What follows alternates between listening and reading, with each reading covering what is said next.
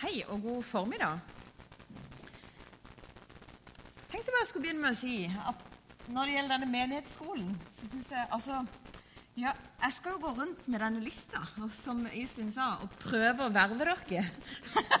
dere litt sånn der jeg skal gjøre et forsøk. Hvis du kjenner at du har lyst eller er nysgjerrig, så må du jo gjerne komme bort til meg. Det hadde vært fint. Ja. Du, vi begynner en ny taleserie i dag som heter Gleden. Og glede er liksom sånn Det er, det er en som heter C.S. Lewis. Jeg vet ikke om du har hørt om han? Han har skrevet noen bøker. Blant annet 'Narnia' har han skrevet. Og han sa, eller skrev noe veldig fint. Så skrev han ekte glede det er et sikkert tegn på at Gud, eller Den hellige ånd, skrev han, er like i nærheten. Fordi at han som vi tror på, er gledens Gud. Så mens vi går mot mørketid, så skal vi løfte opp det vi har fått sammen gleden eh, i evangeliet om Jesus Kristus. Og vi er flere som skal få lov til å forkynne om det. Jeg har æren av å begynne ballet. Og temaet i dag er gleden i det å være Guds barn. Johannes, som var Jesus sin disippel, han skriver i sitt første brev, kapittel 3, vers 1, så skriver han Se hvor stor kjærlighet far har vist oss. Vi får kalles Guds barn. Ja, vi er det. Verden kjenner oss ikke fordi den ikke kjenner Han. Men se hvor stor kjærlighet far har vist oss. Og jeg synes Det er sånn herlig testament fra Johannes. fordi han, Dette skriver han på slutten av sitt liv. Så skriver han en sånn begeistring over at han har erfart og begynner å skimte at han får lov til å være Guds barn. Og det er som om det, det, som om det lukter begeistring av dette, denne innledninga. Hvis ikke han hadde hatt erfaring på dette tidspunktet, er han en gammel mann. Han kunne jo ha skrevet ja, det var veldig gøy når vi gikk rundt med Jesus. Han kunne skrevet det på sine siste dager. Drev, drev og mimra å, det var kjempegøy når, når, når Bartimeus ble helbreda. Klart det var gøy. Men han er ikke der. Han er midt i den gleden som han opplever. For en glede å få lov til å være Guds barn.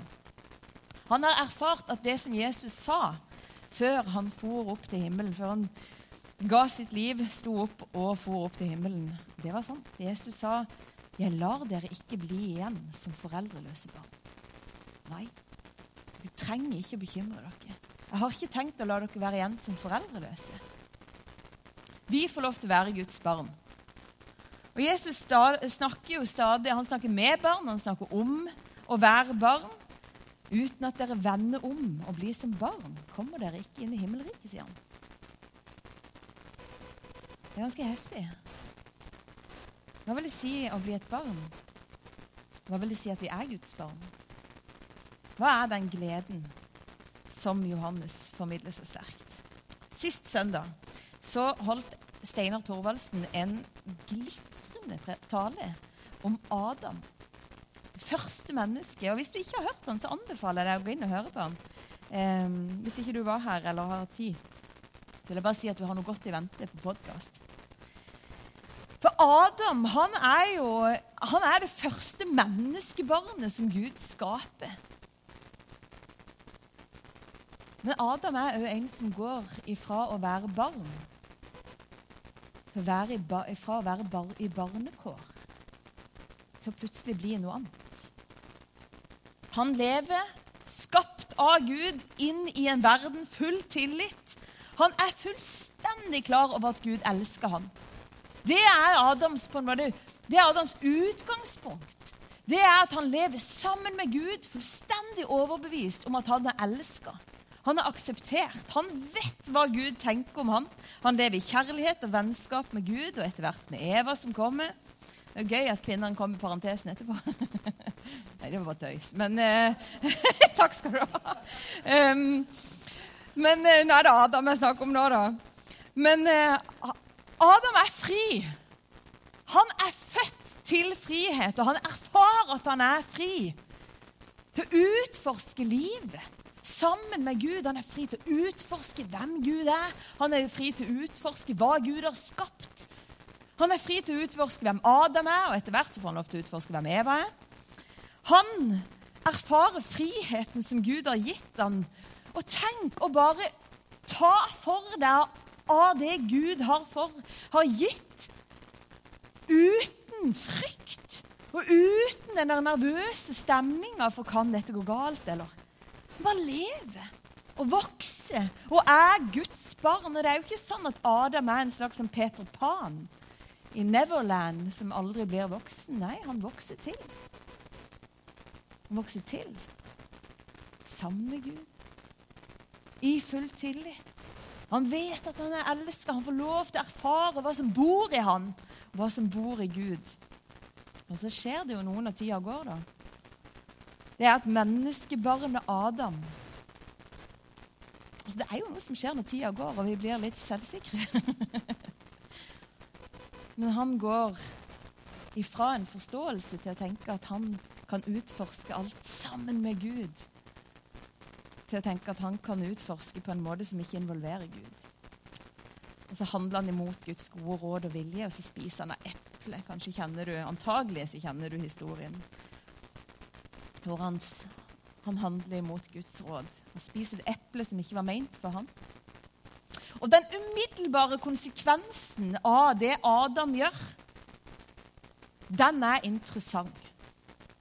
For det kan lese som skjer, det er at Adam og Eva de gjemmer seg. De, de løper bort på en eller annen måte og gjemmer seg for Gud. Og det er som jeg ser for meg en helt ny lukt, en helt ny stemning, skjer i Edens hage. Noe som de ikke har erfart før. Noe som fyller dem med Kanskje er det frykt? I hvert fall skamfølelsen. Og det er noe sånn eksistensielt her. Det er noen spørsmål som jeg ser for meg at begynner å dukke opp i Adam sin hjerne. Adam, er du fortsatt god nok? Er du god nok til å møte Gud? Nå, Adam, nå spørs det nå som du er blitt avslørt? Er du fortsatt god nok? Hva hadde skjedd hvis Adam bare hadde latt være å spise eplet? Det får vi aldri vite. Hvis han bare hadde hvilt i Guds invitasjon om å være sønn, om å stole på Gud Det betyr ikke at han hadde vært mindre intelligent. Det hadde bare betydd at han hadde fortsatt å stole på at Gud vet best. Pappa vet best. Han er størst. Og Det neste som skjer, det er at pappa Gud han leter etter Adam. Det er et spørsmål Gud stiller. Adam, hvor er du? Hvor er du, Adam? Det er det spørsmålet som Gud, far, stiller til sitt første menneskelige barn. Hvor er du henne? Han leter etter Adam i Edens hage. Og så finner han ikke Adam der hvor Adam var meint til å være midt i sentrum av sitt eget liv, av Guds skaperverk. Midt i sentrum sammen med Gud. Adam har eh, stukket av sted. Han har på en måte flyttet seg til forstaden. Et annet sted hvor han tenkte at han måtte gjemme seg. Hvor han tenkte at å, her er det tankeprosess i gang. holdt på Det er krevende. Og så er det ikke bare no, ikke nok med det. Han har kledd på seg noe annet nå, Adam. Etter at han har gjort sin tabbe, så skjer det noe med Adam. Eksistensielle spørsmål har begynt å melde seg. Hvem er jeg? Er jeg fortsatt god nok? Tåler Gud meg? Hvordan er egentlig dette med meg og Gud? Og hvem er jeg når jeg har spist av et eple? Hvordan skal dette fungere? Jeg stikker av sted litt. Jeg trekker meg vekk. Og så må jeg finne ut av det. Og det som skjer når Gud endelig finner han, vi vet jo ikke hvor lang tid det er, det er at Adam er full av blader. Han har dekket seg til. Han som var naken og fri. Bare seg selv. Han har plutselig kjent på et behov for å gjemme seg.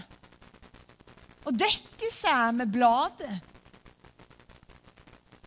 Det er jo et herlig bilde, eller et forferdelig bilde, på hva vi mennesker egentlig gjør fra tid til annen. For det livet gjør noe med oss, og de erfaringene som vi enten står for sjøl, eller som andre gir oss, De kan gi oss en følelse av at vi må dekke oss til.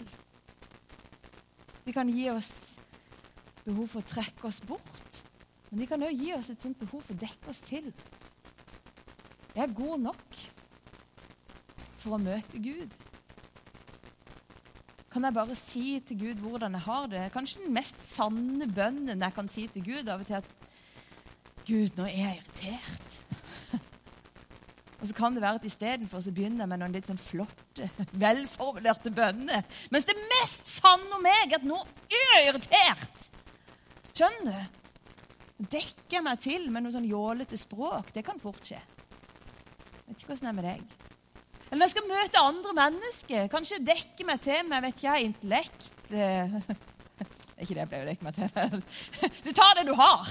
Eh, kanskje, du tar, kanskje, du er typen som dekker deg til med noe annet. Med jeg vet jeg, tusen vitser, eller Kanskje du forteller at du har det strålende, så er ikke det sant. Du, vi dekker stadig til med bladet. Gleden som var gitt til Guds første menneskebarn, Adam, den gleden, vet du hva det var? Det var å leve naken. I fullstendig utfoldelse av livet. Fri. Til å slappe av, være seg sjøl og ikke dekke seg til. Til å bli kjent med Gud, til å leve helt tett sammen med Gud. Og helt tett sammen med seg sjøl. Og helt tett sammen med Eva. Og helt i pakt med verden. Og nå står Adam full av bladet. Og det neste kapittelet i hans liv er fylt av nederlag. Nederlagsfølelse og strev. Hvis vi hopper et saftig stykke fram i Bibelen, så møter vi en annen type som er i bladbransjen. Og han heter Sakkeus. Sakkeus er en israelitt. De ble kalt for Abrahams barn. Han er tolv år. Han er en slags quisling på denne tida, fordi han jobber Romerne har okkupert landet. Så israelittene og romerne der er det ganske god spenning, fordi at romerne holder jo dette folket nede. Og Han krever inn penger for romerne, og han har ikke helt rent mel i posen. Han har tatt litt for mye. Stappa i egen lomme. Han er ikke godt likt. Men Jesus er i byen. Og så Keus. Han vil gjerne få et glimt av denne mannen. Så han rigger seg til i et tre. Han rigger seg til i et tre, dekka av bladet. Og Der oppe sitter han og venter på at Jesus skal komme forbi. Og Det er som om Sakkeus sørger jo ikke for at, bare, at det, liksom, det, er ikke bare Jesus som ikke skal få sett han, men menneskene skal ikke se han. Altså, jeg, jeg tipper at denne morgenen så går Sakkeus for strategi. Ingen oppmerksomhet. Ingen, jeg orker ikke oppmerksomhet Jeg orker ikke å bli sett. Akkurat nå fikser jeg bare ikke at noen skal komme bort og fortelle meg at du er jo et Abrahamsbarn. Du burde jo vært mer i tempelet. Du er jo et Abrahamsbarn. Du burde jo ikke tatt den jobben. Du burde jo ikke gjort det du gjorde. Du er, du er jo et Abrahamsbarn. Du, du skulle jo levd litt annerledes. Eller du, kanskje du skulle Altså, du er jo et Abrahamsbarn. Kanskje du skulle vært med og bidratt litt mer? Ja, det hadde vært fint. Kanskje han sitter oppi treet og så kjenner han jeg orker ikke at noen ser meg. Jeg orker ikke at noen spør hvordan jeg har det. Jeg orker ikke at de Jeg orker det ikke. Jeg har bare lyst til å se. Jeg har bare lyst til å se all, han som de prater så mye om. Jeg tenker at Sakkeus er så redd og så sliten på et eller annet vis av det livet som han er havna oppi skjer i historien. Hvis du kjenner det at Jesus kommer, og han går jo ikke forbi. Sånn er det med Jesus. Han har det med å ikke gå forbi. Jesus stopper opp og ser opp i treet. Og Der sitter jo Sakkeus. Det er jo litt sånn kjedelig når du trodde at ingen skulle oppdage deg, Så sitter du og dingler med beina og gjemmer deg med bladet. Men Jesus ser Sakkeus. Og ingenting av det jeg har sagt, sier Jesus. Han sier ikke 'du burde'. Du, du skulle ha gjort. Hei, Sakkeus. I dag vil jeg bli med hjem til deg, sier Jesus. Spis hos deg. Og det var en vanvittig ære, for hvis noen gikk inn i huset til noen og spiste med dem, så betydde det at jeg, jeg, vil, jeg, vil, jeg vil formidle til hele verden at jeg hører til sammen med deg. Ja, å spise sammen, å være sammen i hjemmet, det betyr at vi hører sammen. Jeg får av og til lov til å komme på besøk. Det er veldig fint. Det hadde en utrolig høy verdi på dette tidspunktet. Og Jesus sier til Sakkeus at midt i sentrum av ditt liv, der vil jeg være. Sånn som livet ditt er. Det er egentlig det han sier. Ja, ja, Sakkeus. Du har ikke livet på stell. Han sier ikke det, men det er jo det som er sant. Det er egentlig det han formidler. Du har ikke livet på stell. Jeg vet at det er slit. Jeg vet at det er så mange ting du ville gjort annerledes. Jeg vet at det er kanskje noe du tenker om deg sjøl som ikke føles så bra. Kanskje er det noe som er sant til meg, som ikke er så bra. Men jeg vil være midt i det som er sant om deg. Jeg skal være midt i ditt hjem. Midt i sentrum av ditt liv. Der vil jeg bo. Og så skjer det en endring hvis du tar deg tid til å lese historien, så kan du lese at Sakkeus endrer seg. Det skjer noe når Jesus kommer inn i livet hans. Plutselig så er det som om Sakkeus får litt sånn livslyst tilbake. Og så sier han Ja, Jesus, nå, nå skal jeg Ikke at jeg fikk lyst til å gjøre noe annerledes. Nå, Jesus, nå skal jeg sannelig Nå kjente jeg fikk lyst til å gjøre noe her. Fikk lyst til å endre på noen ting. Jeg fikk lyst til å, da fikk jeg litt energi, Jesus. Det er som om det er det som skjer i Sakkeus sitt liv. Plutselig så går han som bare ville gjemme seg, ifra gjemmestedet sitt til å være åpen. Og til å kjenne, Han har møtt noe, Sakkeus. Vet du hva jeg tror han har møtt? Han har møtt en som ikke fordømte han. En som ikke hadde strenge krav. Han møtte en. Hvem er det han har møtt? Jesus sier, 'Den som har sett meg, har sett far'. Den som har sett meg, den har sett far. Jeg tror at Sakkeus er i ferd med å finne ut av hvordan det er å være barn. Hvordan er det når han ikke, er, han ikke kjenner på barnekår? Og Da sitter han oppi et tre, og så kjenner han på at jeg strekker ikke til. Jeg innfrir ingen av kravene de andre har til meg. Jeg innfrir ingen av kravene jeg har til meg sjøl. Og nå orker jeg ikke mer. Så jeg setter meg her og så bare håper at ingen legger merke til meg. Og så skjer det noe når han møter han som er far. Gud gitt til han i Jesus Kristus. Og plutselig så begynner Sakkeus å oppføre seg som et barn. Han er fri. Han snakker sant. Han legger ikke på. Han gir tilbake. Og i Jesus så får vi lov til å være barn. Jeg har lyst til å si det, at hvis du strever med bladet eller behovet for å sitte på ei grein, så ikke dytt deg ned. Men jeg har bare lyst til å si at kanskje i dag så er gledens dag for deg. Fordi at Jesus er her. Og han vil møte deg.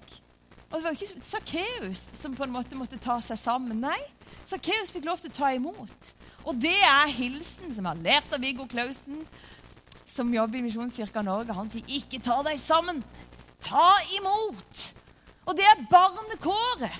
Nei, du trenger faktisk ikke ta deg sammen. Du tar imot.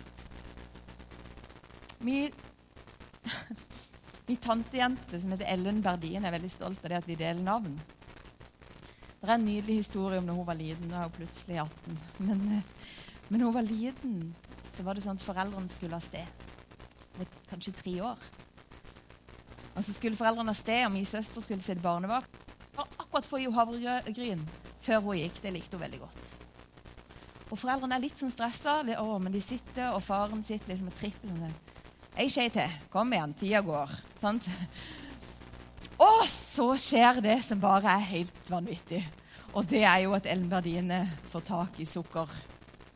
sukkeret. Og hun har jo fått lov før til å ta på sukker, så hun setter i gang. Ei, ei, ei skje, sier pappa. Ja, du kan få lov til å ta ei skje. Der starter det. Det er en duell, vet du. Det er eyeballing. For det er ikke bare ei skje. Hun bare kikker på faren og øser på. Og han sitter. Bardine. Ellen Bardine. Og det bare foregår en kamp som bare er helt vanvittig. Og Ellen Bardine har, hun er i ferd med å få en haug med sukker på den skåla som bare er en drøm når du er tre år. og du skjønner jo ikke hva som er bra for deg, og det er jo bare basicen av det å være barn. Vi skjønner ikke hva som er bra for oss, men det ser bra ut. skjønner du? Og så skjer det katastrofale. Hun har jo kontroll på situasjonen. Pappa har ikke grepet inn, og det begynner å bli en fin haug med sukker. Så gjør hun en liten tabbe. Hun kommer bort i skåla, og alt velter. Og det er havregryn, og det er sukker, og det er melk. Og hun var trøtt i utgangspunktet. Skjønner du? Og hva gjør Ellen Bardine?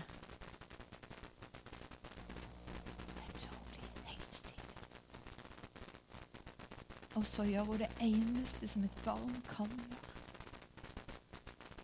Hun hiver seg rundt i pappa sine armer og gråter sine modige tårer i sorg over både tapt sukker og kanskje litt stolthet.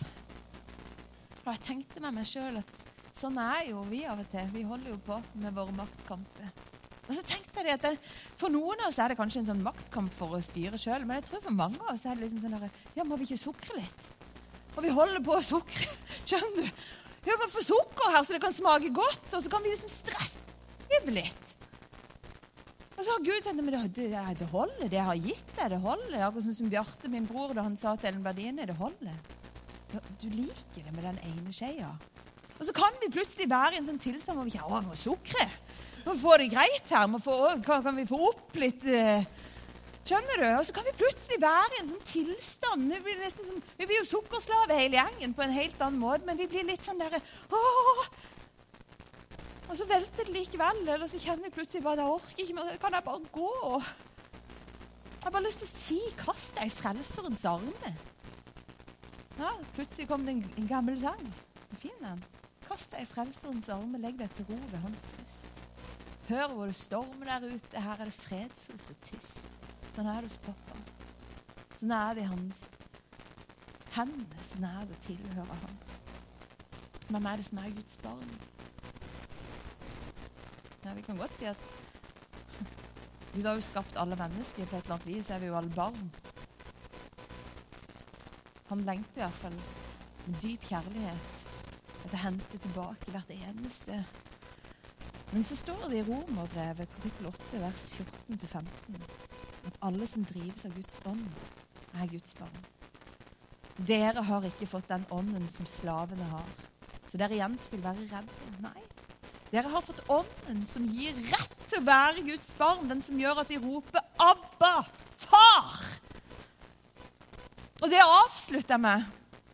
For det er ikke sånn at barnekåret på en måte den å tenke på som barn, følelsen av å være barn opplevelsen av å være barn, som Adam fikk erfare, og som Sakkeus oppdaga at var for han, det er ikke noe som kommer sånn rekende på i fjøl. Alle er vi skrudd sammen sånn. At vi blir litt sånn sukkerslave. skjønner du? Vi finner noe annet. Vi blir stressa. Vi kjenner at vi blir slave under avhengighet. Vi blir slave av stress. Vi blir slave av kanskje bare en hverdag som sniker seg innpå. Kanskje sitter vi og i et tre og bare er slitne. Og så er budskapet Vet du hvem det er som kan åpne livet på nytt, så du kjenner deg som et barn? Det er Den hellige ånd som er gitt. Jesus sier, 'La dere ikke være farløse'. Jeg drar ikke fra dere og lar dere bli igjen utenfor. Hvem er det han sender? Det er Den hellige ånd. Og Den hellige ånd er den som åpner våre øyne. Han blir sammenlignet som et vann. Og nå kommer det et litt grotesk bilde helt på tampen av min tale. Når jeg viser dette til ungdommen, så holder de altså på å spy. Men det er ja, vær så god. Her avslutter talen min. Vet du hva det er? Nei? Det er et barn som ikke vet at det er født.